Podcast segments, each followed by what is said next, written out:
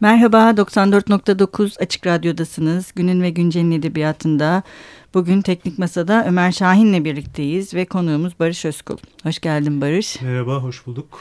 Ee, Barış Özkul'la daha önce Murat Belge ile yaptığımız programda birlikte olmuştuk. Ee, kendisi şu anda iletişim yayınlarında editör olarak çalışıyor. Aynı zamanda çeşitli ne diyelim dergilerde ve gazetelerde e, eleştiri e, yazıları yazıyor. Barış'la e, bu yayın döneminde her ay bir dünya klasiğini konuşacağız. E, o yüzden çok teşekkür ederiz sana. Böyle seni ayda bir yoracağız burası için. E, ve bu dünya klasiklerinden ilkini de e, Ishiguro'nun Günden Kalanları olarak belirledik. Evet. Yakın zamanda Nobel Edebiyat Ödülü aldığını da göz önünde bulundurarak ve ayrıca bu ödülden önce herhalde Türkiye'de de çok tanınan bir yazar evet. olmadığını da düşünerek Ishiguro ile başlamanın iyi bir fikir olacağına karar verdik. Evet. Şimdi e, nereden başlayalım? Günden kalanlar. Evet. Ee, Şimdi Ishiguro yani 2017'de Nobel hı. ödülünü aldı bu şeyle ee, yani günden kalanlarla değilse bile aslında daha yakın tarihte yazdığı bir e, Never Let Me Go Beni hmm. Asla Bırakma diye bir romanı vardır ama e, günden kalanların şöyle bir avantajı da var aynı zamanda sinemaya aktarıldı. Sinemaya aktarıldığı için daha geniş kitlelere e, daha kalabalık bir izleyiciye ulaştı. Dolayısıyla en bilinen e, roman olduğu için belki onu konuşmak e, daha faydalı olur ve aynı zamanda Ishiguro'nun e, bir romancı olarak özelliklerini evet. e, çok daha iyi yansıttığını hmm. da söyleyebiliriz bu mesela kitabın. Neler var? özetlediğini.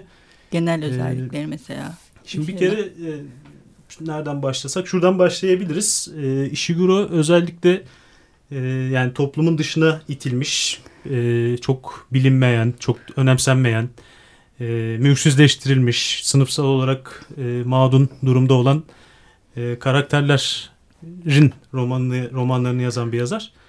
Burada da e, işte Stevens romanın baş karakteri. Baş uşak. Evet baş uşak veya kahya diyebiliriz belki.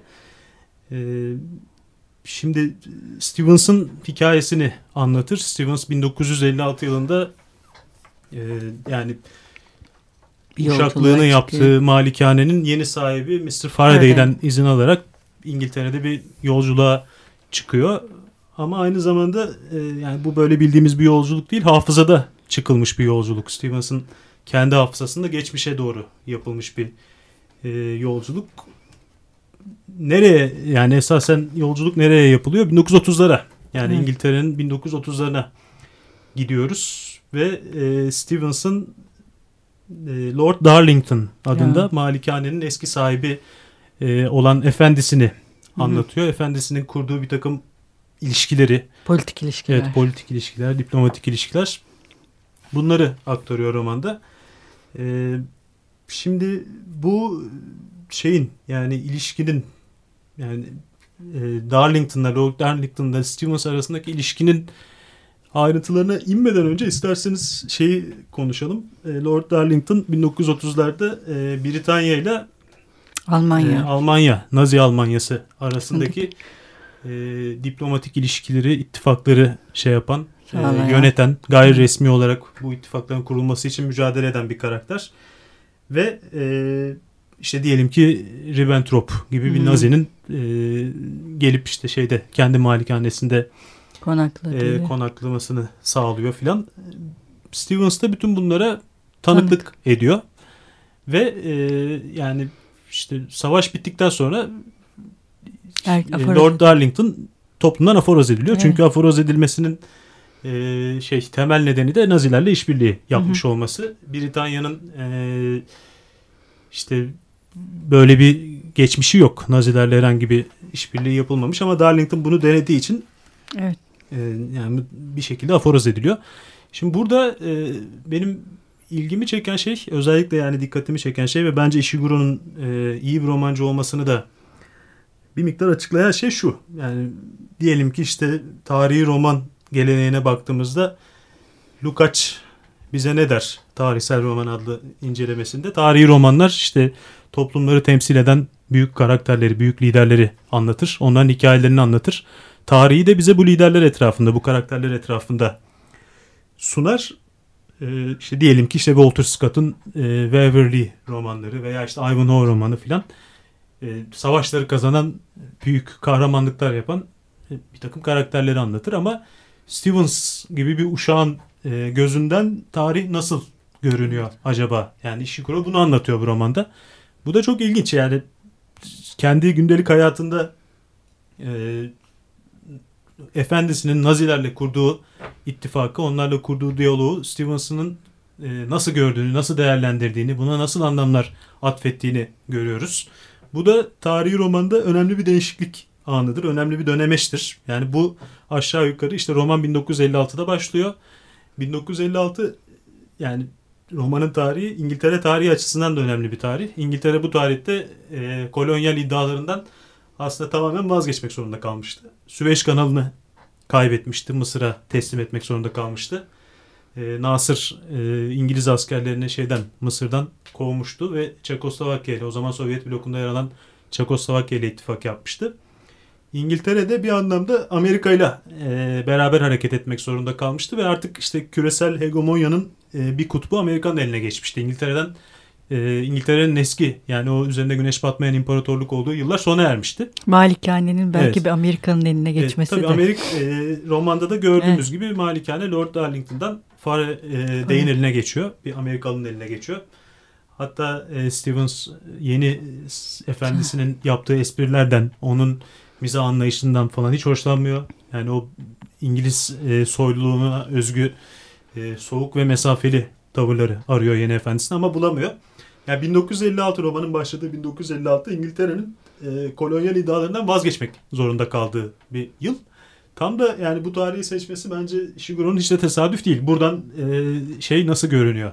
Yani bir hmm. uşağın gözünden artık yani e, dünyayı kolonize eden aktörler değil de bugüne kadar kolonize edilen sömürgecinin değil de sömürlerin gözünden, itilenin, kakılanın, ezlerin gözünden tarih nasıl görünüyor? E, bu e, bahsi açıyor şeyde günden hmm. kalanlarda Ishiguro. Bunu tabii daha önce şeyde ya bu önemli bir e, bence şeydir. Yani önemli bir değişikliktir tarihsel romanın Hı-hı. konusu ve e, şeyi içeriği bakımından. Daha önce Günter Grass'ın e, Teneke Trampetinde e, Nazilerin nasıl geldiğini, neler yaptığını şeyden e, bir çocuğun gözünden, Oscar'ın gözünden okumuşuzdur. 1962'de yazar Günter Grass bu romanı. Bir anlamda yani Ishiguro bunun sürdürücüsü e, o, olarak bu kitabı yazmış diyebiliriz. Şimdi tabii buradan e, tarih anlatısı kurduğunuzda şöyle bir e, sorun, şöyle bir ayrım ortaya çıkıyor. Naziler e, bütün dünyanın gözünde yani büyük anlatıların gözünde son derece kötü, aşağılık işler yapmış. Hı hı. Ee, bir şey siyasi çizgiyi temsil ediyorlar. Faşizmi, nazizmi temsil ediyorlar. Bence de öyleler. Ama e, insanların buna isterseniz tırnak içerisinde küçük insanlar diyebilir, diyebiliriz. Küçük insanların gözünden e, o döneme bakıldığında aslında e, Stevens işte bir sorun görmüyor. Yani evet beyefendi. Olan da biten de ve yani Darlington'ın yaptığı her şeyi e, olumluyor. Olumluyor, olumlamaya ihtiyacı duyuyor. Bunun normal olduğunu, hı hı. yani başka türlü olamayacağını, efendisinin aslında e, işte Versay Anlaşması'nın Almanlara dayattığı e, kötü koşulları ortadan kaldırmak için, Alman halkına iyilik yapmak için hı hı. E, Almanlarla, Nazilerle uzlaşı yolunu tercih ettiğini falan iddia ediyor. Bu bize şeyi gösteriyor tabii. Yani kamusal hafıza ile kişisel hafıza hiçbir zaman aynı olamaz.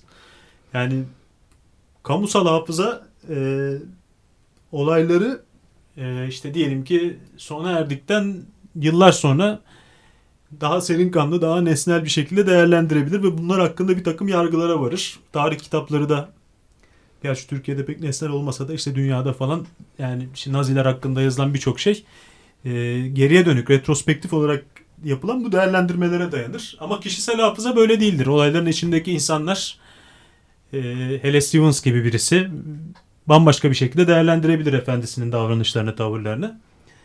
E, dolayısıyla Stevens'ın şeyini e, burada ne diyelim yani toplumsal iklim o tarihte ne gerektiriyorsa ona göre e, olayları bu şekilde değerlendirdiğini görüyoruz. Ama mesela Tolstoy'un Savaş ve Barış'ına bakarsak orada bütün olayları bir prensin gözünden ve onun etrafındaki işte St. Petersburg Sosyetesi hı hı. nasıl değerlendiriyorsa oradan soyluların görürüz. gözünden. Soyluların gözünden görürüz. Ee, Ishiguro tam da yani sıradan insanın gözünden tarihi nasıl görünüyordu? Nasıl bakıyordu insanlar buna? Biraz oradan değerlendiriyor. Bir de yapmadığı bir şey yani. Mesela evden çok dışarı çıkmayan, izin evet. bile yapmayan bir uşak, baş uşak evet. ve bir seyahate çıkıyor. Yani bize evet. her şeyi de daha önce yapmadığı hayatındaki başka bir evet. değişiklikle bir seyahatte çok kısa bir evet. sürede aslında her şeyi anlatıyor. Belki de o tarih anlatısına başka bir e, ne diyelim biçimsel şekil vermek için de böyle bir şeyi kullanmış olabilir. Yani o içeriği böyle bir evet. süreçte değerlendirmek. Yani şey e, mesela e, bunun tarihsel bir takım şeyleri e, benzerlik kurabileceğimiz bir şey bir takım romanlardan bahsedebiliriz İngiliz edebiyatında. İşte Jane Austen'ın Mansfield Park diye bir romanı vardır. Orada Bertrams ailesi vardır. Bu aile işte şeker ticareti ve İngiltere'nin kolonyal bir takım girişimlerinin e, sağladığı ticari gelirlerle falan var olur ama bütün e, karakterlerin hiçbirisi İngiltere'nin nasıl şey yaptığını, finansal olarak nasıl ayakta kaldığını falan düşünmezler. Onların başka bir dertleri vardır. O kırsal hayat onların esas e, meselesidir. Evet. Ama yine Jane Austen romanlarında bile yani baş karakterler hiçbir zaman işte Stevens gibi uşak değildir. Yani Hı-hı. kenara itilmiş, şey. dışlanmış Öyle. karakterler Sınıf. değildir.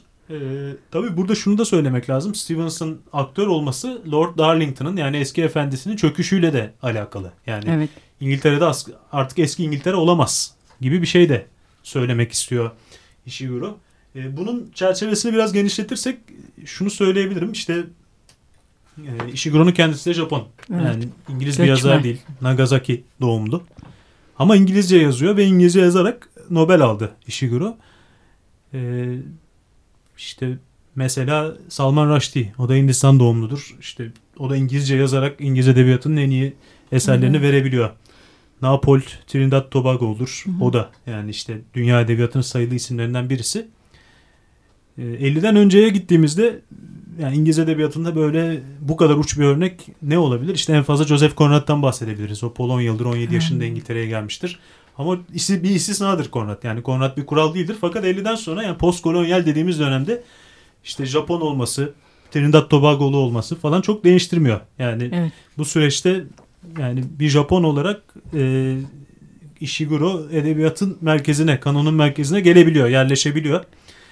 Belki de biraz da bunun verdiği şeyle yani Britanya'nın emperyal iktidarının gücünün e, çöküşünün e, aynı zamanda onun hırslarının gerilemesiyle birlikte e, bu boşluğu şey e, bu tür yazarlar ve bu tür onların anlattığı bu tür karakterler daha önce sesini işitmediğimiz karakterler e, almaya başlıyorlar. Almaya başladı. Bu bakımdan da bence önemli bir e, kitap.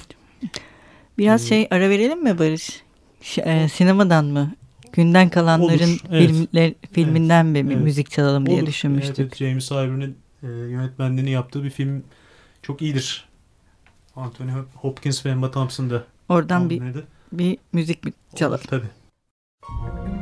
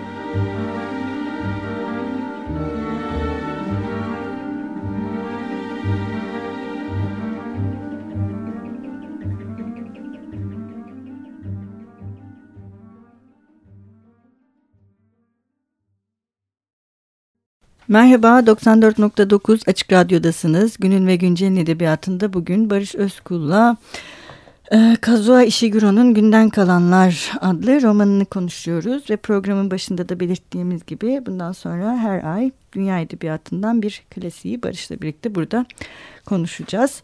Ee, ilk bölümde e, Ishiguro'nun tarihi roman anlatısına getirdiği katkılardan ve farklılıklardan e, bahsetmiştik. E, biraz da işte İngiltere'nin e, sömürgelerini üzerindeki emperyal gücünün yok olmasıyla birlikte e, ortaya çıkan yeni bir süreç ve bunun da kitaba bir şekilde yansımasını konuşmuştuk. E, şimdi bu bölümde biraz şeyden de bahsedebilir miyiz? Evet bu işte Nazileri destekleyen bir Lord Darlington var. Ee, yani romanın e, anlatıcısı ben anlatıcı ve e, aslında romanın bayağı ilerleyen bir kısımlarına kadar hani bu adam bize ne anlatıyor ya da işte bazen yalan söylüyor mesela. Tabii. yalan söylüyor. bir anlatıcı değil. Güvenilir bir şey. anlatıcı değil. Yalan söylüyor ve işte kendisi de bizimle de konuştuğunda evet bize aslında bunun yalan olmadığını, neden kendisinin böyle yaptığını anlamlandıramadığına dair bir takım şeyler söylüyor. E, romanın o taraftan da hani bir vakanüvisin evet. yani bir şeyi yazarken e, hani hem bize seslenmesi hem var olan bir tanıklığı aktarması hem de bir taraftan bizim bunları izliyor olmamız. Sanki bu üçünü de bir araya tabii, tabii, getirir tabii, bir... E, güzel ifade ettin. E, ben bu yalancılık konusunda şunu söylemek isterim. Aklıma şey geldi. Şimdi Hannah Arendt'in Ayman Kudüs'te kitabı geldi aklıma. Hannah Arendt orada şeyi anlatıyor. İşte Ayman yani Nazi subaylarından biri. Bu şeyde çalışma kamplarında görevli olan. Ve birçok katliam yapıyor. Ama yani bütün bunları e, yaparken gayet işte kendisine verilen emirleri uyguladığını, evet. yani hiç başka bir şey yapmadığını, bundan daha doğal bir şey olamayacağını falan söylüyor. Hatta e, yani Hannah Arendt de bir, bir şekilde empati kurduğu için bu karakterle yani Ayman'ı aklıyor demeyelim ama anlaşılır bir karakter haline getiriyor.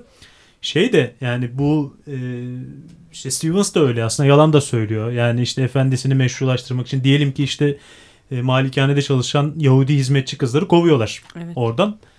İşte o zaman bunu yapmanın normal olduğunu falan düşünüyor. düşünüyor. Ama işte aynı zamanda orada Miss Kenton var. Bir Hı-hı. şekilde yani sevdiği, aşık olduğu bir kadın var. İşte bir şey yani duygularını bu şeye kadına iletemiyor ama öyle olduğunu anlıyoruz. Miss Kenton ise buna karşı çıkıyor. Yani Yahudi hizmetçilerin oradan kovulmasına. Evet. Ee, şey ise e, Stevens ise efendisi ne diyorsa yani o hiyerarşiyi e, benimsediği için onun dışında düşünemediği için kendisine emredilen şeyi yapıyor ve bunun normal olduğunu düşünüyor. E, bu senin söylediğin şeye şuradan bağlayabiliriz bunu. Yani bu e, bu tür hayatların şeyleri anlatılarında yalan da vardır. İşte Hı-hı. bir takım kopukluklar da vardır. İçsel ve dışsal bir takım kısıtlamalar vardır insan psikolojisi üzerinde.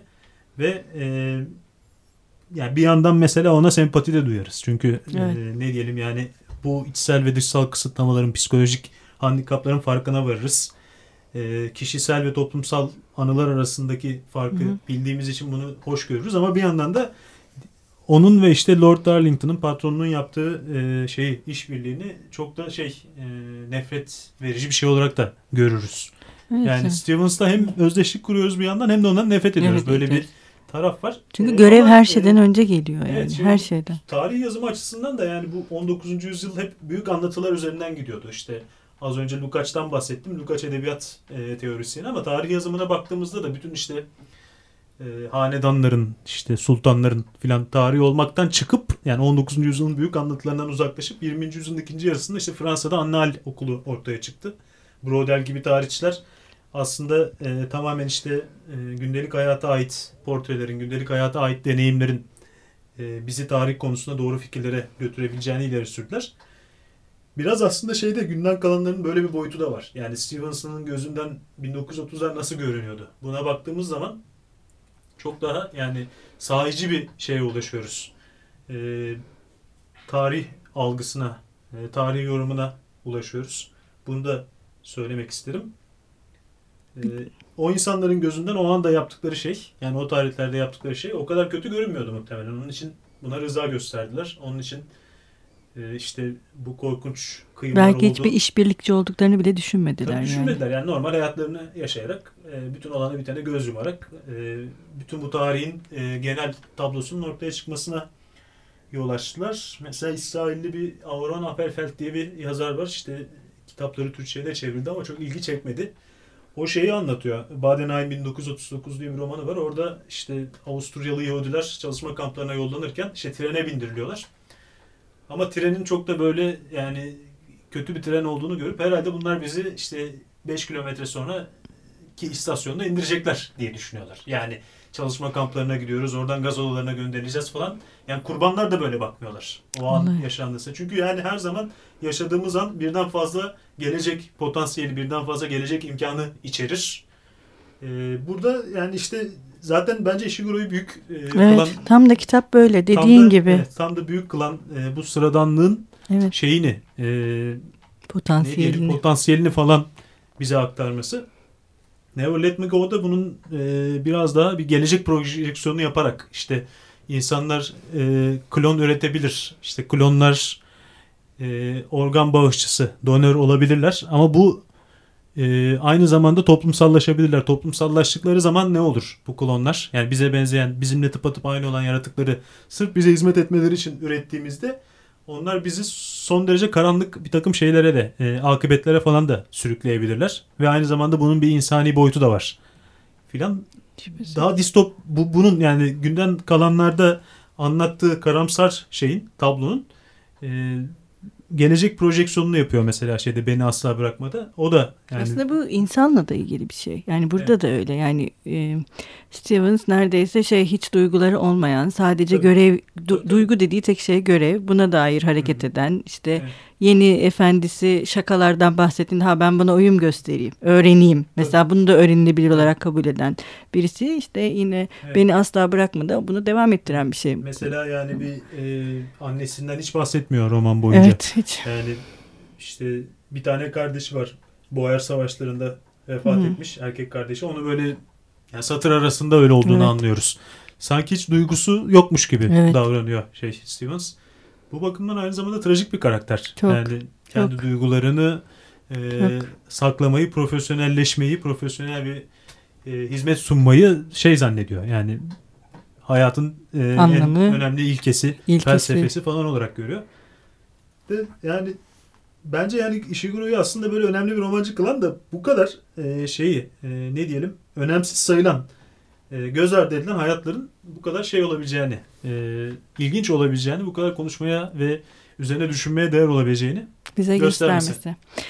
Evet, bugün 94.9 Açık Radyo'da Günün ve Güncel'in edebiyatında Barış Özkul'la birlikte e, Kazuo Ishiguro'nun günden kalanlarından ve edebiyatından bahsettik. E, çok teşekkür ederiz Barış. Ben teşekkür ederim. Hoşçakalın, görüşmek üzere.